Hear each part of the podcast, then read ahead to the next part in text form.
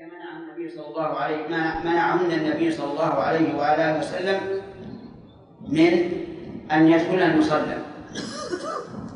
صلاة العيد لها وقت. من ارتفاع الشمس قيد رمح يعني نحو ثلث ساعة بعد طلوعها إلى قبيل الزوال. كل هذا وقت له صلاة العيد تفعل في الصحراء لا في البلد. إلا لعذر كبرد شديد وأمطار وخوف فتصلى في البلد. صلاة العيد ليس لها أذان ولا إقامة.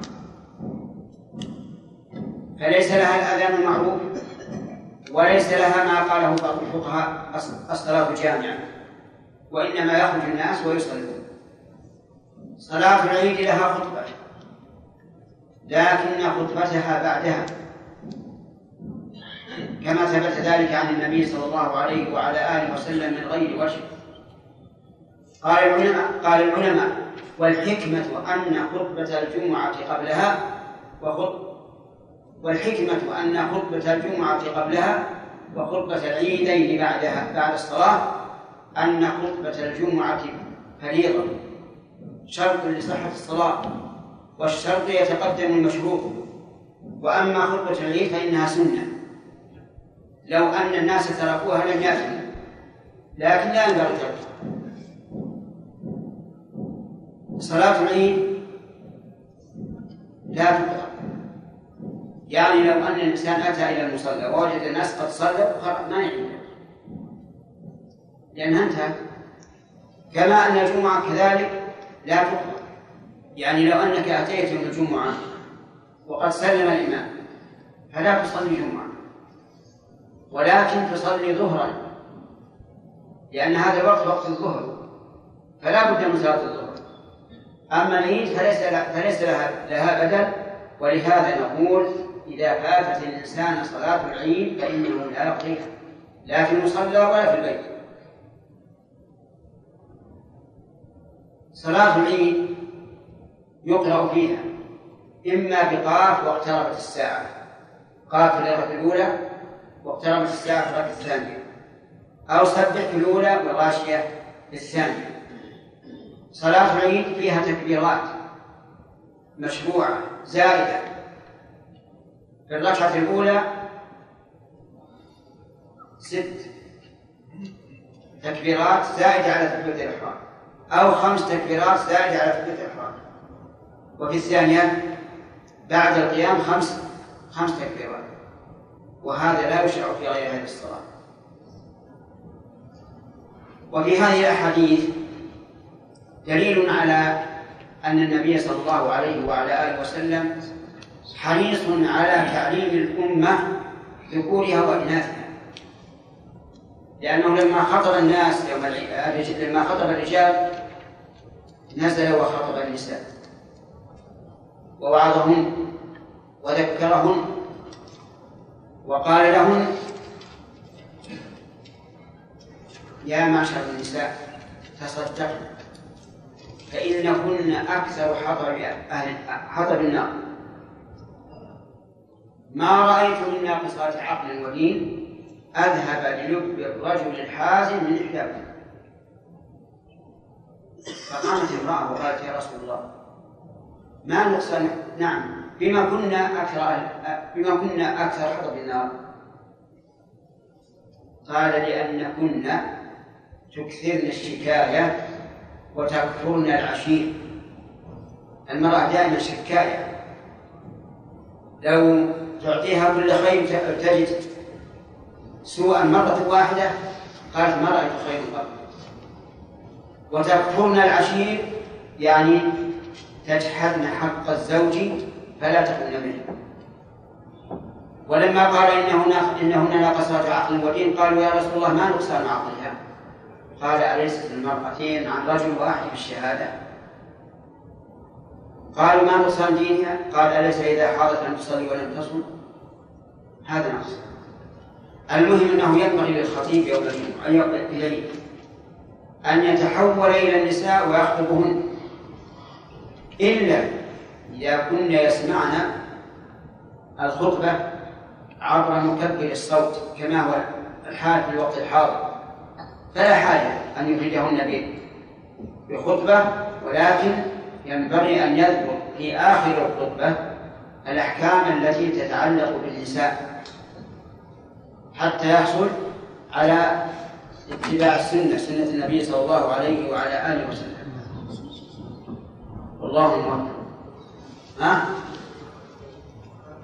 أي خطبتين؟ ما في خطبتين سمعت أحاديث الآن الإمام خطبة واحدة وسنتكلم عليها إن شاء الله فيما بعد. نعم يا شيخ حمد أي نعم. مصلى مسجد لأن النبي صلى الله عليه وسلم منع النساء الحيض من أن يدخلن المسجد. وعلى هذا فله تحية مسجد فإذا وصلت إلى مصلى العيد سواء قبل طلوع الشمس أم بعد طلوع الشمس أو حال طلوع الشمس فلا تجلس حتى تصلي ركعتين. فإن قال الإنسان أليس حديث ابن عباس يقول إن النبي صلى الله عليه وعلى آله وسلم صلى ركعتين لم يصلي قبلهما ولا بعدهما؟ فنقول بلى. لكن الرسول عليه الصلاة والسلام لما دخل المصلى صلى صلاة العيد ما جلس؟ فمصلى العيد كغيره من المساجد. يحكم به البيع والشراء ويجب حمايته عن النجاسات. وإذا دخله الإنسان للصلاة فلا بد أن يصلي ركعتين. تحية المسجد كما هو في سائر المساجد. صلاة العيد قلت لك وقتها من ارتفاع الشمس إلى يعني بعد ثلث ساعة. إلى قبيل الزوال. وهذا ما فينا. كل هذا الوقت ما فينا. وش تقول يا أي. لا ما تسقط الجمعة إذا صار العيد يوم الجمعة كم إنسان؟ كم إنسان في الدرس إذا صار يوم العيد يوم الجمعة فيه تصلى العيد والجمعة. لكن اللي حضر يوم العيد اللي حضر صلاة العيد إذا شاء أن لا يحضر الجمعة وصلى في بيته الظهر فلا بأس. ثلاثة أسئلة أخذنا ثلاثة أسئلة. رحيم. الحمد لله رب العالمين والصلاة والسلام على نبينا محمد وعلى آله وصحبه أجمعين. أما بعد نقل المصنف رحمه الله تعالى في باب صلاة. فقد نقل يعني أما لازم نقل. فقد نقل المصنف رحمه الله تعالى في باب صلاة العيدين عن ابن عباس رضي الله عنهما أن النبي صلى الله عليه وسلم صلى يوم الفطر ركعتين لم يصل قبلهما ولا بعدهما متفق عليه. وعن أم عطية رضي الله عنها قالت أمرنا أن نخرج الحيض يوم العيدين وذوات الخدور فيشهدن جماعة المسلمين ودعوتهم. وتعتزل الحيض وتعتزل الحيض عن مصلاهن قالت امرأة يا رسول الله إحدانا ليس لها جلباب.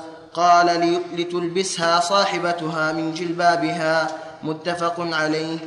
وعن عائشة رضي الله عنها قالت إن أبا بكر دخل عليها وعندها جاريتان في أيام منى تدففان وتضربان. وفي رواية تغنيان بما تقاولت الأنصار يوم بعاث والنبي صلى الله عليه وسلم متغش بثوبه فانتهرهما أبو بكر فكشف النبي صلى الله عليه وسلم عن وجهه فقال دعهما يا أبا بكر فإنهما أيام عيد. فإنها, فإنها أيام عيد. وفي رواية يا أبا بكر إن لكل قوم عيدا وهذا عيدنا متفق عليه. وعن أنس رضي الله عنه قال كان رسول الله صلى الله عليه وسلم لا يغدو يوم الفطر حتى يأكل تمرات ويأكلهن وترا رواه البخاري. وعن جابر رضي الله عنه قال كان النبي صلى الله عليه وسلم إذا كان يوم عيد خالف الطريق. رواه البخاري. نعم نعم. هذه احكام أحاديث في شيء من أحكام العيدين سبق لنا بعضها كحديث ابن عباس أن النبي صلى الله عليه وسلم خرج يوم العيد فصلى ركعتين لم يصلي قبلهما ولا بعدهما. وفي وحديث أم عطية أيضا سبق لنا إلا قولها فقالت امرأة يا رسول الله إحدانا ليس لها جلباب. الجلباب مثل العباد. شيء يستر البدن كله بدون أن يكون له أكمام. قال لتلبسها أختها من جلبابها. ولا قال تخرج بثوبها. قال تلبسها أختها من جلبابها. وهذا يدل على أن النساء لا يخرجن إلا بجلباب يعني العباءة التي تكون على كل البدن.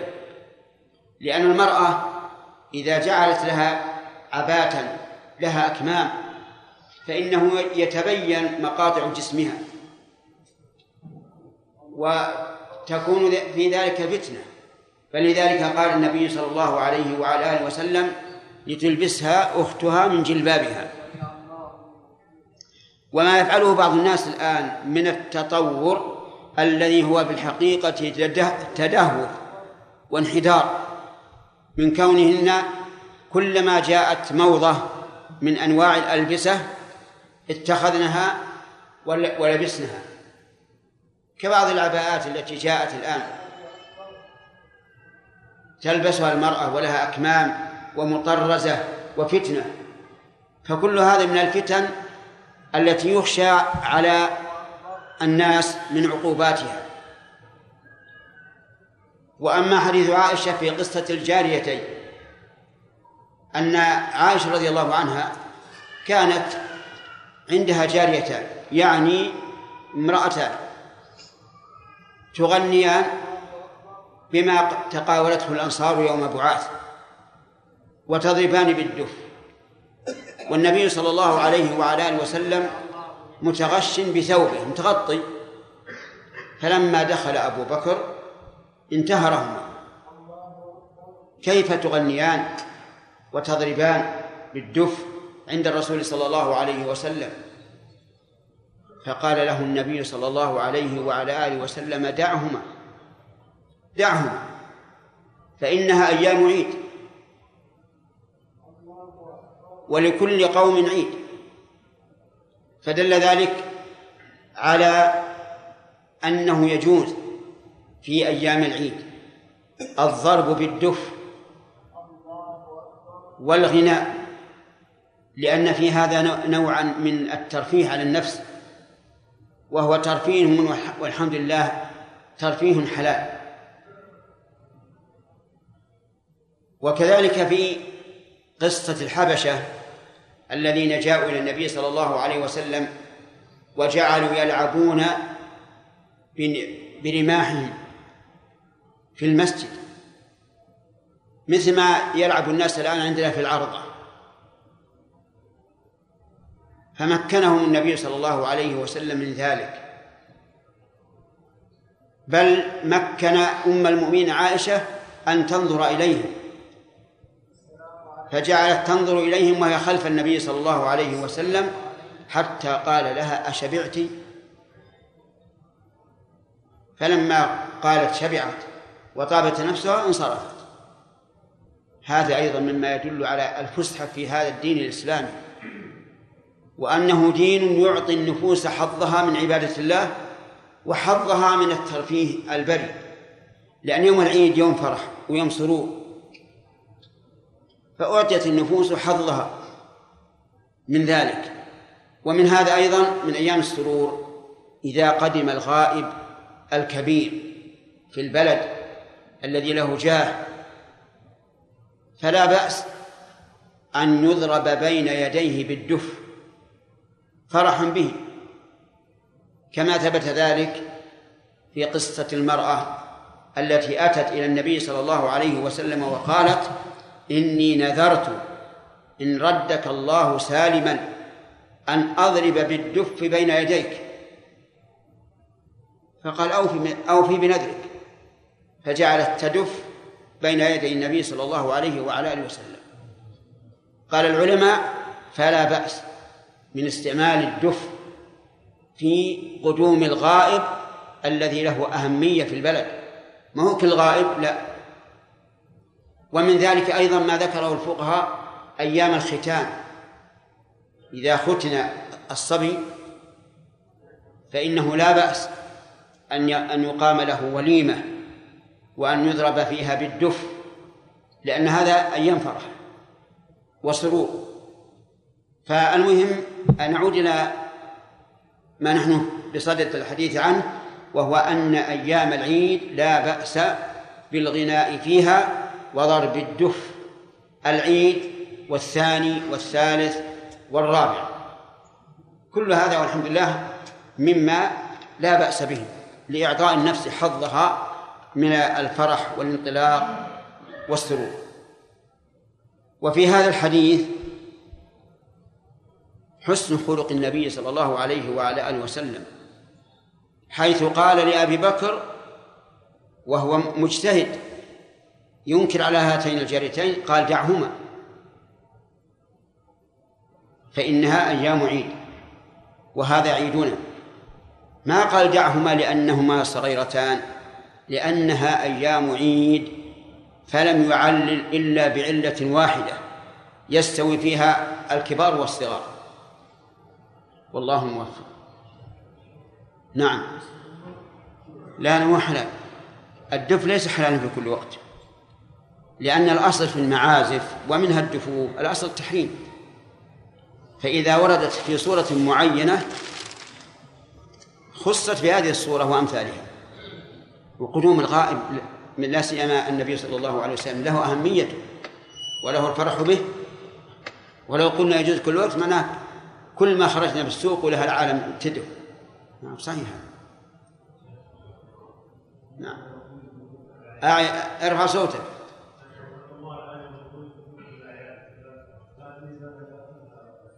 إيش؟ لا لا. الدف فقط. لأن الزار لأن الزار والموسيقى محرمة. ما أبيح من آلات له إلا الدف. ها؟ قلت الدف غير الزار. الزار مدبب وطويل يكون له الصوت ورنين أشد من الدف. إيش؟ إيش فيه؟ في إيش؟ لا سبق لنا أن صلاة العيد في الصحراء خارج البلد لكن لو قدر أن البلد توسعت ودخل المصلى في في داخلها فلا حرج أن يبقى وإن نقل إلى إلى إلى الصحراء فهو أفضل ما هو للنساء والرجال في عيد في العيد. أما في النكاح فلا. قال كان النبي صلى الله عليه وسلم إذا كان يوم عيد إذا كان يوم عيد إذا كان يوم عيد خالف الطريق. رواه البخاري. وعن البراء رضي الله عنه قال خطبنا النبي صلى الله عليه وسلم يوم النحر فقال إن أول ما نبدأ به في يومنا هذا أن نصلي ثم نرجع فننحر. فمن فعل ذلك فقد أصاب سنتنا. ومن ذبح قبل أن نصلي فإنما هو شاة لحم عجله لأهله. ليس من النسك في ليس من النسك في شيء. متفق عليه. بسم الله الرحمن الرحيم. من أحكام صلاة العيد أن الإنسان إذا خرج من طريق رجع من طريق أخرى. كما قال جابر رضي الله عنه كان النبي صلى الله عليه وسلم إذا كان يوم عيد خالف الطريق. يعني ما إذا إذا أتى المسجد من الناحية الشرقية رجع من الناحية الغربية مع أسواق أخرى. والحكمة من ذلك بالنسبة إلينا الاقتداء برسول الله صلى الله عليه وعلى آله وسلم. كما قال الله عز وجل لقد كان لكم في رسول الله أسوة حسنة لمن كان يرجو الله واليوم الآخر وذكر الله كثيرا. والحكمة من فعل النبي صلى الله عليه وعلى آله وسلم أن تظهر شعائر الدين في جميع أسواق البلد. ولذلك شرعت صلاة العيد في الصحراء. خارج البلد إظهارا لهذه الشعيرة. قال العلماء ومن الحكمة أيضا أنه إذا كان في في الأسواق فقراء تصدق على هؤلاء وهؤلاء. قالوا ومن الحكمة أنه إذا كان يوم القيامة شهدت له الطريقان. الطريق الأولى التي جاء إلى المسجد منها والطريق الثانية التي رجع منها. وأهم شيء بالنسبة إلينا أنها أنها سنة النبي صلى الله عليه وعلى آله وسلم وأننا نتأسى به في ذلك. أما غيره غير صلاة العيد من الصلوات فألحق بعض العلماء صلاة الجمعة بصلاة العيد. وقال إن صلاة الجمعة صلاة عيد فإذا جاء من طريق رجع من طريق آخر. وألحق بعض العلماء جميع الصلوات إذا أتى من طريق رجع من طريق آخر. وتوسع بعض العلماء وقال كل مكان تذهب إليه تقربا إلى الله فخالف الطريق كما لو ذهبت إلى عيادة مريض أو صلة رحم أو ما أشبه ذلك. لكن هذا كله ليس بصواب. فلا يخالف الطريق في صلاة الجمعة ولا في الصلوات الخمس ولا في في في مشي سار به تقربا إلى الله. لأن النبي صلى الله عليه وعلى آله وسلم كان تمر به هذه الأشياء ولا يخالف الطريق. ما خالف الطريق إلا في صلاة العيد. وهذا القياس قياس واسع خارج عن دليل الشرع فلا يعتمد. تأتي الجمعة من طريق واحد أو من طريقين كلها على حد سواء وكذلك بقية الصلوات الخمس. أما حديث البراء بن عازب رضي الله عنه ففيه أن النبي صلى الله عليه وسلم أخبر أن أول ما يبدأ به يوم عيد الأضحى الصلاة ثم ذبح الأضاحي. بخلاف صلاة الف... صلاة عيد الفطر. فأول ما يبدأ به أن يأكل الإنسان تمرات وترا قبل أن يأتي إلى الصلاة. تمرات جمع أقلها ثلاث.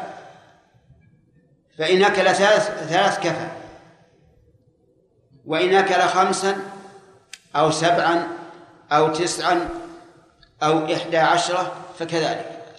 المهم أن يأكلهن وترا. طيب لو أكل ستا لم يصب السنة ولو أكل أربعا لم يصب السنة ولو أكل ثمانيا لم يصب السنة. لقول أنس رضي الله عنه ويأكلهن وترا. وفي قول أنس رضي الله عنه يأكلهن وترا. دليل على أن ما اشتهر عند الناس اليوم من قولهم أوتر. إذا صب لك فنجان قهوة وشرب اثنين قال الصاب خذ الثالث أوتر. هذا غلط. ما فيه إيتار إلا ما ورد به الشرع. إذا طيبت ومسحك مرتين قال أوتر. من قال هذا؟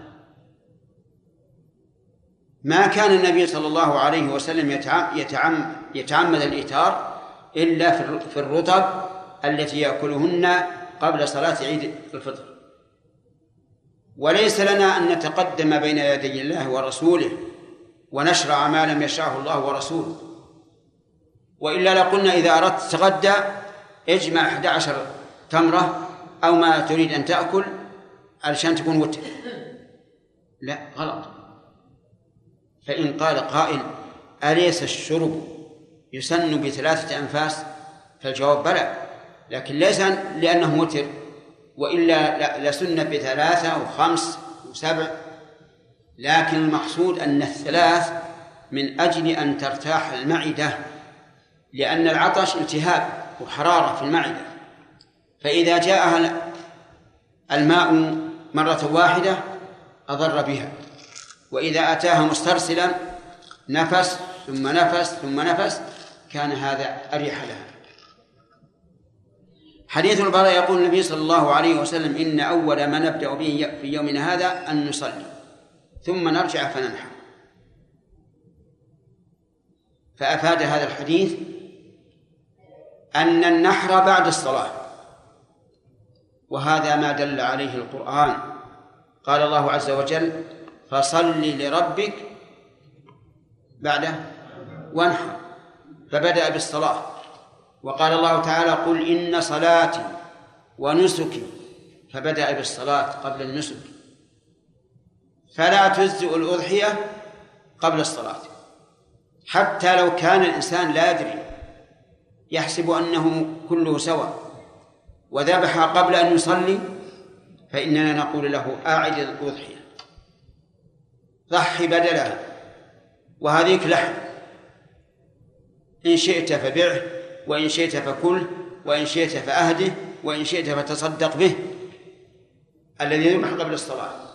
لأن النبي صلى الله عليه وسلم أخبر أن ما ذبح قبل الصلاة فإنه فإنه لحم قدمه لأهله وليس من النسك في شيء. فإن قال أنا لا أدري قلنا وإذا كنت لا تدري. فالشاة التي ذبحتها لحم. واذبح بدلها. إن كنت تريد النسك. وفي هذا دليل على أن العبادة المؤقتة التي لها وقت معين إذا قدمها الإنسان على وقتها ولو جاهلا لزمته إعادتها. فلو أن الإنسان قام من الليل ونظر إلى الساعة فإذا هي تشير إلى أن الفجر قد طلع له نصف ساعة فقام وصلى الفجر. وبعد انتهاء الصلاة أذن المؤذن لصلاة الفجر. فماذا عليه؟ عليه أن يعيد الصلاة. لكن تكون الصلاة الأولى نفلا نفلا. فلا يضيع أجره على الله عز وجل إلا أنها الفريضة باقية في ذمته فيعيد وكذلك لو ظن أن الشمس قد زالت فصلى الظهر ثم تبين أنها لم تزل فإن عليه أن يعيد الصلاة بعد زوال الشمس. وتكون الصلاة التي صلاها قبل الوقت تكون نفلا يثاب عليها ثواب نفل. خذ هذه قاعدة. كل من قدم عبادة مؤقتة قبل وقتها فإنها لا تجزئه. وتكون له نفلا وعليه أن يعيدها بعد دخول وقتها. فإن قال قائل أليس يجوز للإنسان أن يقدم زكاته قبل تمام الحول؟ فالجواب بلى. لكن الزكاة ما له وقت معين.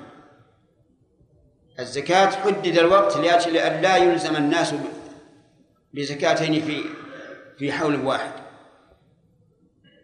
وعلى هذا فإذا قدر أن الإنسان تحل زكاته في رمضان وفي رجب حصل حاجة لبعض الناس فقدم الزكاة إليه قبل حلول الوقت فلا بأس.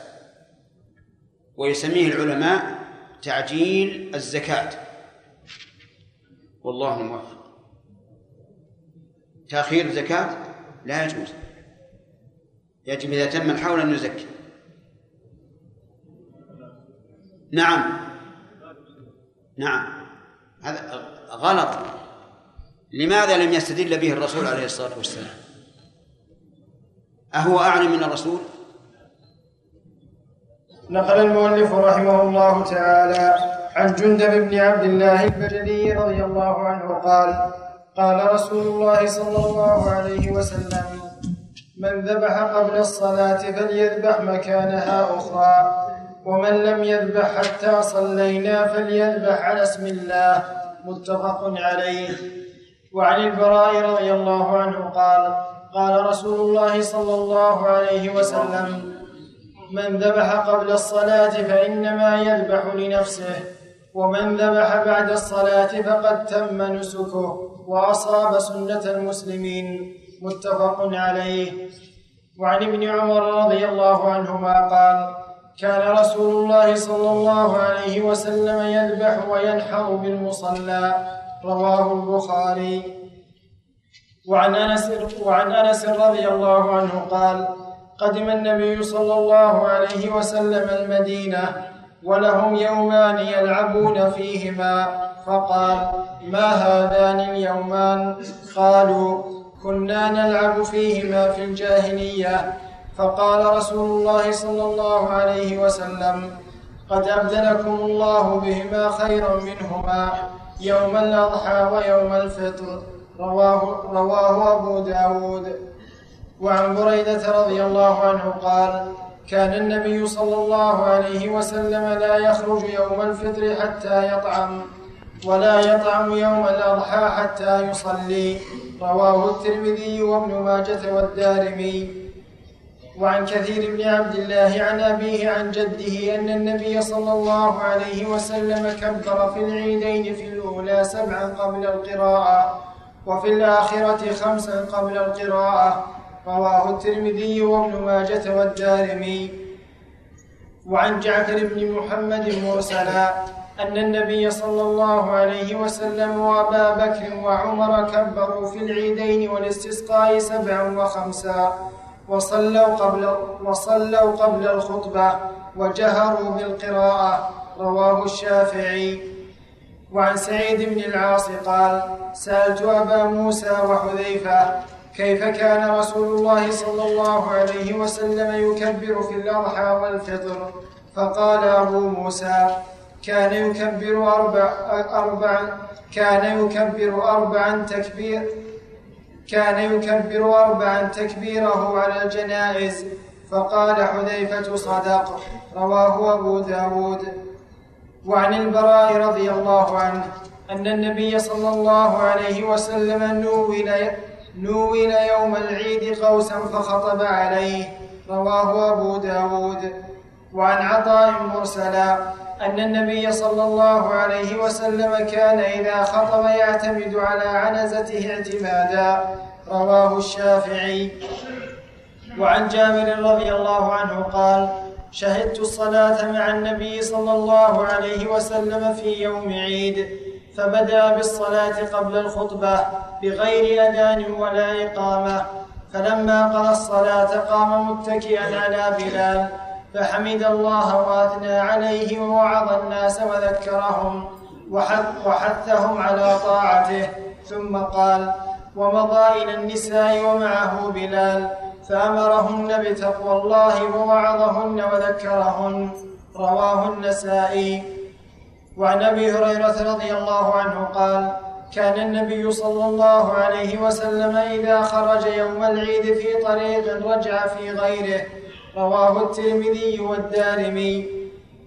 وعنه رضي الله عنه أنه أصابهم مطر في يوم عيد فصلى بهم النبي صلى الله عليه وسلم صلاة العيد في المسجد. رواه أبو داود وابن ماجه. وعن أبي الحويرث رضي الله عنه أن رسول الله صلى الله عليه وسلم كتب إلى عمرو بن حزم وهو بنجران عجل الأضحى وأخر الفطر وذكر الناس. رواه الشافعي.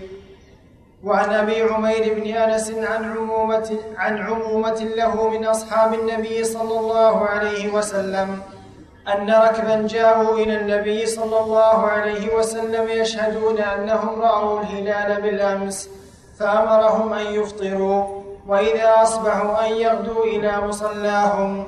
رواه أبو داود والنسائي. بسم الله الرحمن الرحيم. هذه أحاديث في بيان صلاة العيدين وقد سبق كثير منها لكن هذه الأحاديث دلت على مسائل منها أن صلاة العيد يجهر فيها كما يجهر في صلاة في صلاة الجمعة. وهكذا في الاستسقاء لأنها صلاة اجتماع. يجتمع الناس فيها على إمام واحد فكان من الحكمة أن يجهر فيها بالقراءة ليكونوا أيضا على قراءة واحدة كالجمعة والعيدين والاستسقاء. وأما بقية صلاة النهار فهي سر. ومنها من مما يستفاد من هذه الأحاديث أن النبي صلى الله عليه وعلى آله وسلم كان لا يخرج في يوم الفطر إلا وقد أكل ويأكل تمرات ثلاثة أو خمسا أو سبعا أو تسعا على وتر وأما الأضحى فلا يأكل شيء إنما يصلي ثم يأكل من أضحيته ومنها أنه يسن في عيد الفطر أن يؤخر الصلاة. ويسن في عيد الأضحى أن يعجل الصلاة. والحكمة أن عيد الفطر قبل الصلاة تؤدى زكاة الفطر الفطرة. فكان من الأفضل أن يؤخر الصلاة ليتسع الوقت. أما عيد الأضحى فبالعكس الأكل والإطعام بعد الصلاة.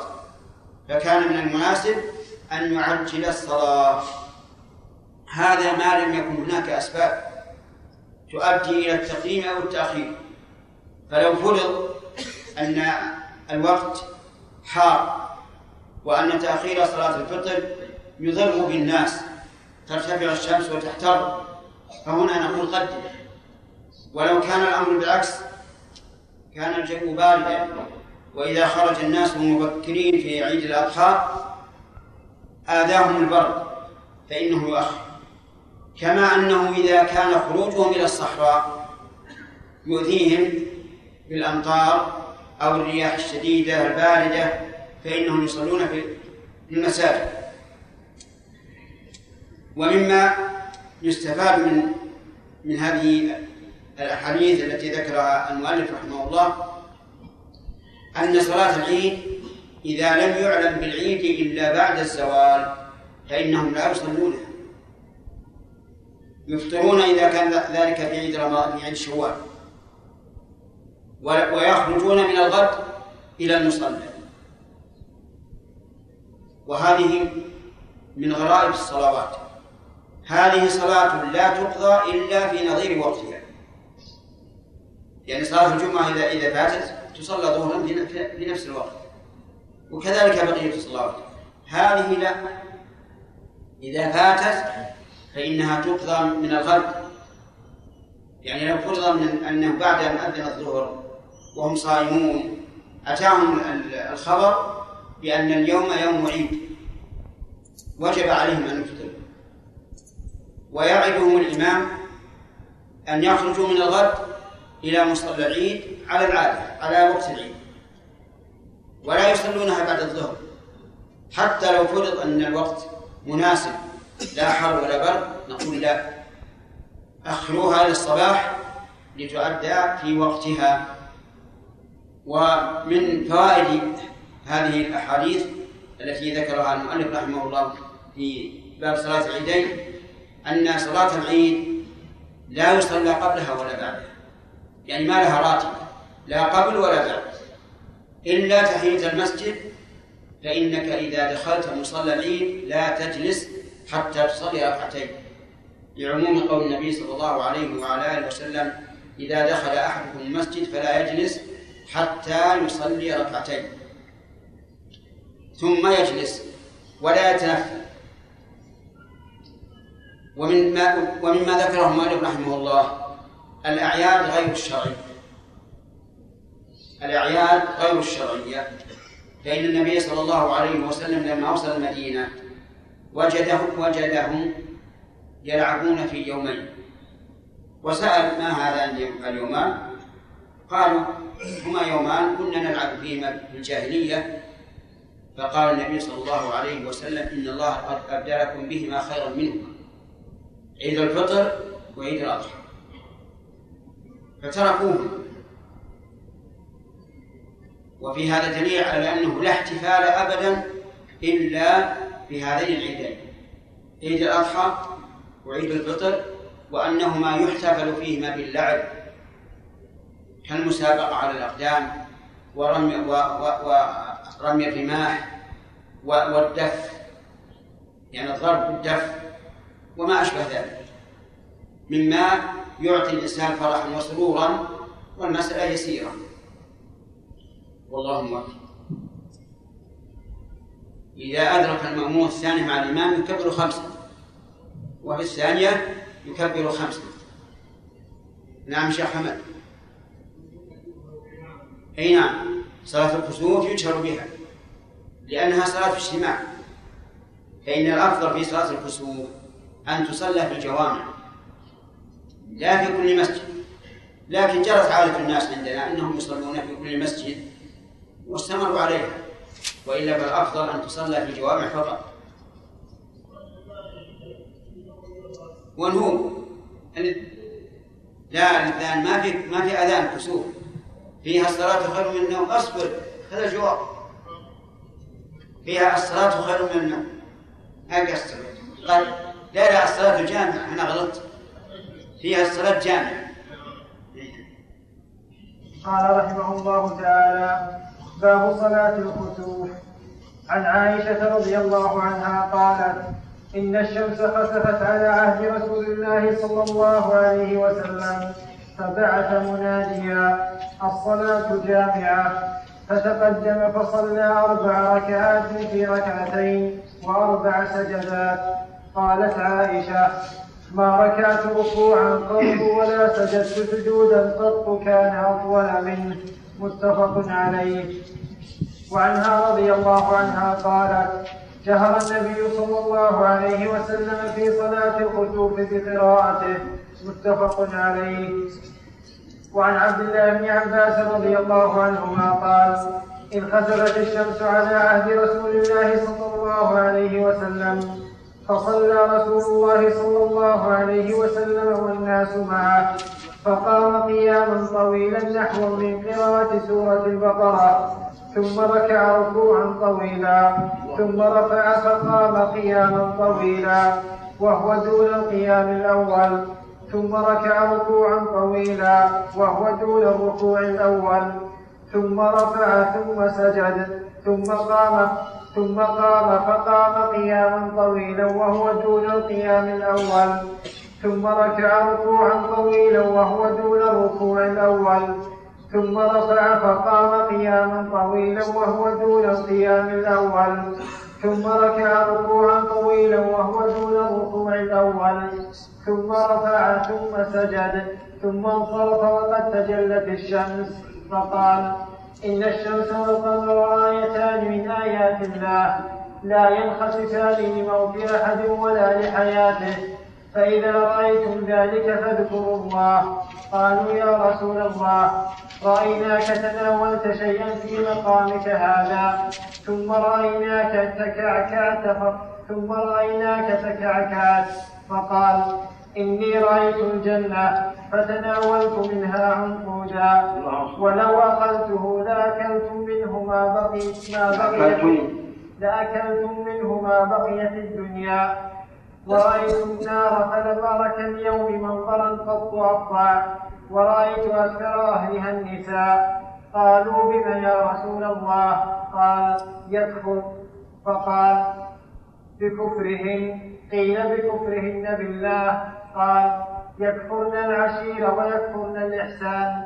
ولو أحسنت إلى إحداهن الدهر ثم رأت منك شيئا ثم رأت منك شيئا. قالت ما رأيت منك خيرا قط. متفق عليه. بسم الله الرحمن الرحيم. هذا الباب باب الكسوف. يقال الكسوف والخسوف. ومعناهما واحد. ومن قال إن الكسوف للقمر والكسوف للشمس فقوله غير صحيح لأن الأحاديث واردة في هذا وهذا. وأما قوله تعالى في سورة القيامة إذا برق البصر وخسف القمر فهذا خسوف غير خسوف الدنيا. الكسوف والخسوف معناهما واحد.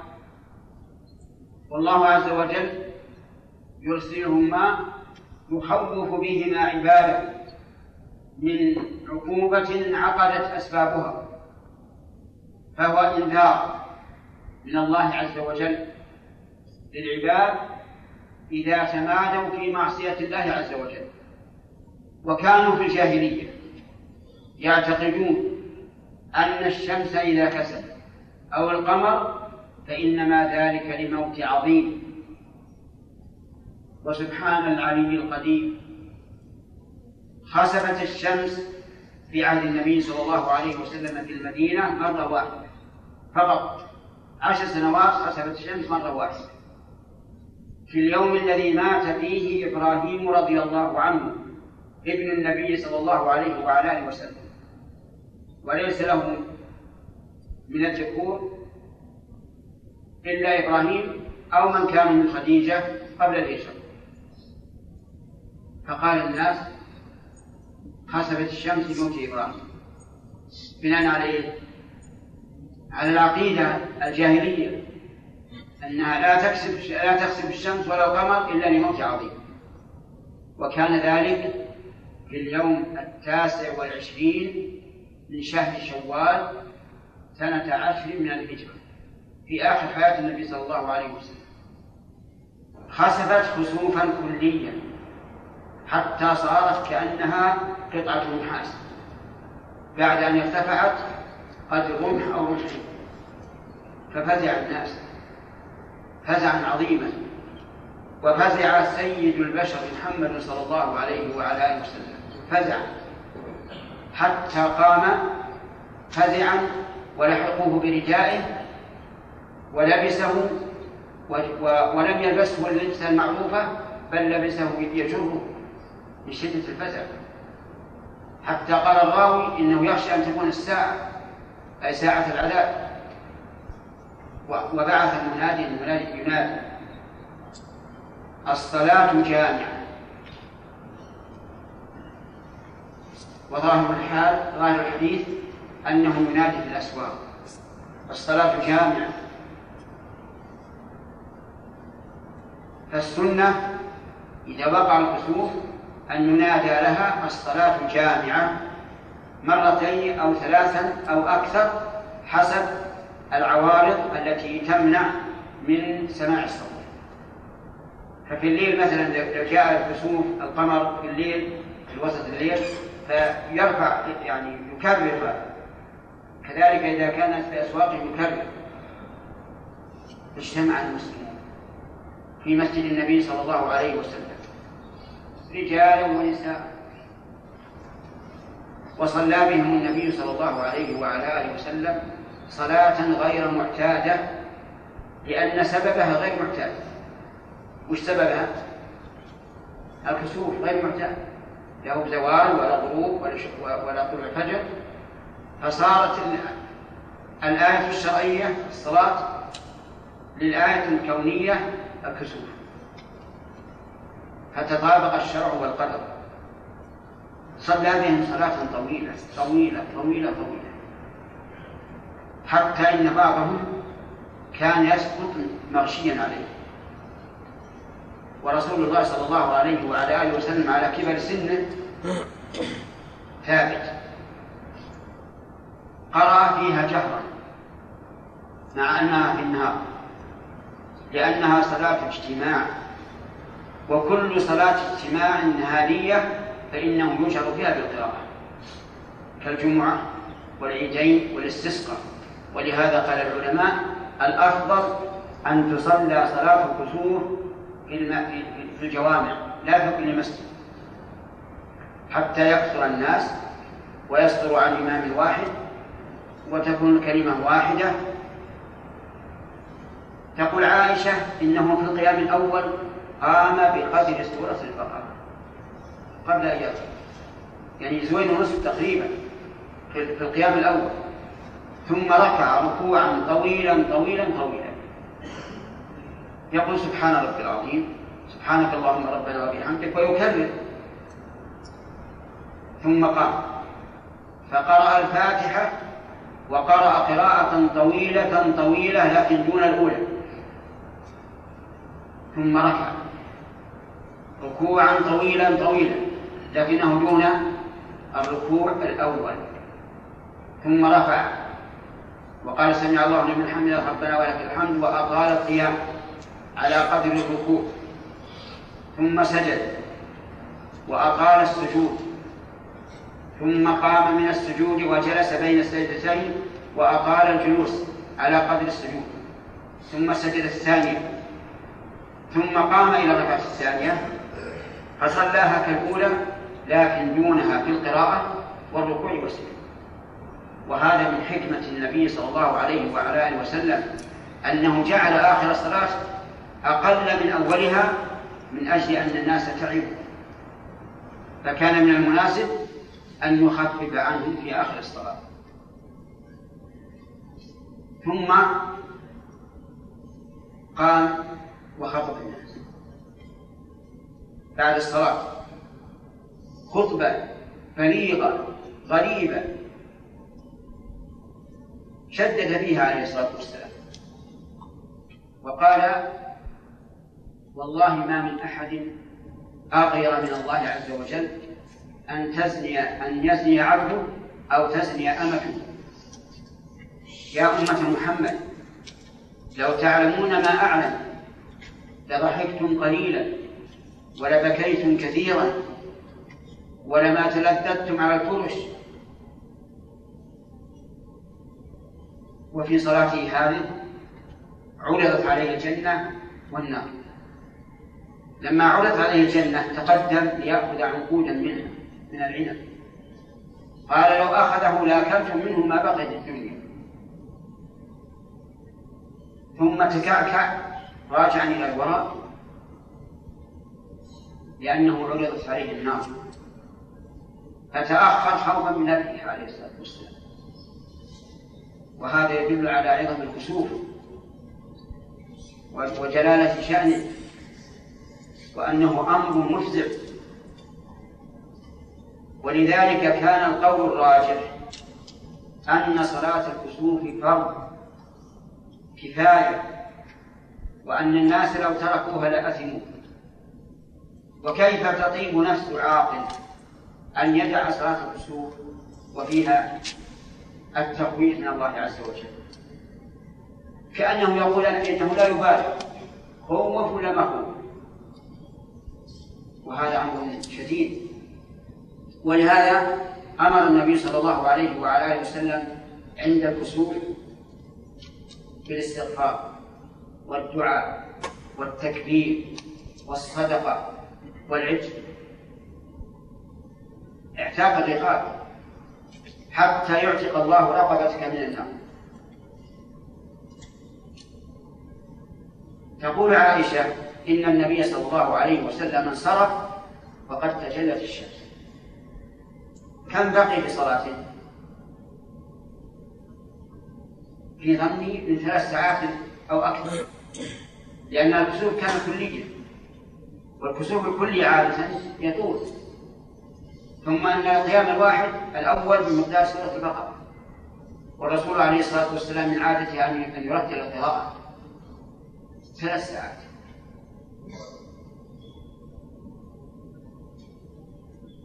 لكن لو كان الكسوف في غير أرض الإنسان يعني مثلا بعد ما غابت الشمس كسفت على قوم آخرين فلا صلاة ولو أن الشمس ارتفعت وظهر نور الفجر حتى اختفى نور القمر وكسف في هذه الحال قبل أن يغيب فلا صلاة. لأنه في هذه الحال ليس له سلطان القمر. ذهب سلطان. ما دام لو كان سليما من من الكسوف ما رؤي نوره فيعني هذا أنه لا تكويف فيه. لو قال الناس إن الكسوف سيكون مثلا في يوم في يوم معين. جاء اليوم المعين ما رأينا أثر لأنه جزئي والشمس ضوءها قوي. الكسوف الجزئي ما ما يأثر عليه فإنه لا يصلي حتى لو علمنا يقينا أنها قد خسفت ولكن لم يظهر أثره أثر الخسوف لكونه ضئيلا فإنه لا يصلي لأنه لم يعلم. والنبي عليه الصلاة والسلام نعم لأنه لم يرى. والنبي صلى الله عليه وسلم علق ذلك بالرؤية. قال إذا رأيتموه. ونحن لا نريد أن نتعجل الإنذار حتى نقول ما دام علمنا حسب الحساب الناس تكسب نصلي. نقول هذا غلط. ما دام الأمر لم لم يرى بالعين فإنه لا يصلي ولو علمنا أنها ستكسب بناء على تقرير الفلكيين. ويأتي إن شاء الله بقية الأحاديث في هذا الباب. نرجو الله سبحانه وتعالى أن يقينا وإياكم عذابه وأن يجعلنا من المعتبرين. إيش؟ أسألك الآن هذا يسأل يقول أيهما أبلغ في الإنذار أن يخبر الناس قبل الخزوف بيوم أو يومين أو يترك حتى يقع؟ أسألك الآن. لو أنه أتاك خبر عن عدو مقبل على البلد أو ما أو ما علمت حتى دخل العدو البلد أين شيء؟ احتمال فكون الناس لا يعلمون أحسن وأبلغ وأهيب وأدرك الناس فيما سبق. أنه إذا وقع كسوف والغالب أن الناس ما يدرون إلا عن القمر لأنه يكون أبيض. تجد الناس في الأسواق لهم حنين وخليل بكى قبل أن يصلوا إلى المساجد أما الآن يقرؤون في الصحف أن ستكون الكسوف من كذا إلى كذا وكذا دقيقة وما أشبه ذلك. فتجد الإنسان مطمئن لكن المؤمن لا يهتم بهذا يهتم بما أخبر به الرسول عليه الصلاة والسلام أنه إنذار من الله عز وجل. لا. الرسول قال في الكسوف والكسوف فقط. والمسألة خلافية لكن العمل على هذا. إذا الخطبة تكون بلغة القوم لقول الله تعالى وما أرسلنا من رسول إلا بلسان قومه ليبين لهم. أي فائدة أن تخطب باللغة العربية وكل اللي عندك ما يعرف العربية ما أستفيد. أخطب بلغتهم لأن هذا أهل نعم. إذا حصل الكسوف قبل الوقت يصلى الكسوف وإن حصل بعد دخول الوقت تصلى الفريضة أولا ثم الكسوف نقل المؤلف رحمه الله تعالى عن أبي موسى رضي الله عنه قال خسفت الشمس فقال النبي صلى الله عليه وسلم فزعا يخشى أن تكون الساعة. فأتى المسجد فصلى بأطول قيام وركوع وسجود. ما رأيته قط يفعله. وقال هذه الآيات التي يرسل الله لا تكون لموت أحد ولا لحياته ولكن يخوف الله بها عباده. فإذا رأيتم شيئا من ذلك فافزعوا إلى ذكر الله فافزعوا إلى ذكره ودعائه واستغفاره. متفق عليه. وعن عائشة رضي الله عنها قالت ثم سجد فأطال السجود ثم انصرف وقد تجلت الشمس فخطب الناس فحمد الله وأثنى عليه ثم قال إن الشمس والقمر آيتان من آيات الله لا يخسفان لموت أحد ولا لحياته. فإذا رأيتم ذلك فادعوا الله وكبروا وصلوا وتصدقوا. ثم قال يا أمة محمد والله ما من أحد أغير من الله أن يزني عبده أو تزني أمته يا أمة محمد والله لو تعلمون ما أعلم لضحكتم قليلا ولبكيتم كثيرا. متفق عليه. وعن جابر رضي الله عنه قال انكسفت الشمس في عهد رسول الله صلى الله عليه وسلم يوم مات إبراهيم بن رسول الله صلى الله عليه وسلم فصلى بالناس ست ركعات بأربع سجدات رواه مسلم. وعن ابن عباس رضي الله عنهما قال صلى رسول الله صلى الله عليه وسلم حين كسفت الشمس ثمان ركعات في أربع سجدات وعن علي مثل ذلك رواه مسلم. وعن عبد الرحمن بن سمرة رضي الله عنه قال كنت أرتمي بأسهم لي بالمدينة في حياة رسول الله صلى الله عليه وسلم. إذ كسفت الشمس فنبذتها فقلت والله لأنظرن إلى ما حدث لرسول الله صلى الله عليه وسلم في كسوف الشمس. قال فأتيته وهو قائم في الصلاة رافعا يديه فجعل يسبح ويهلل ويكبر ويحمد ويدعو حتى حسر عنها. فلما حسر عنها قرأ سورتين وصلى ركعتين رواه مسلم. وعن أسماء بنت أبي بكر رضي الله عنهما قالت لقد أمر النبي صلى الله عليه وسلم بالعتاقة في كسوف الشمس. رواه البخاري. وعن سمرة بن جندب رضي الله عنه قال صلى بنا رسول الله صلى الله عليه وسلم في كسوف لا نسمع له صوتا رواه الترمذي وأبو داود والنسائي وابن ماجه.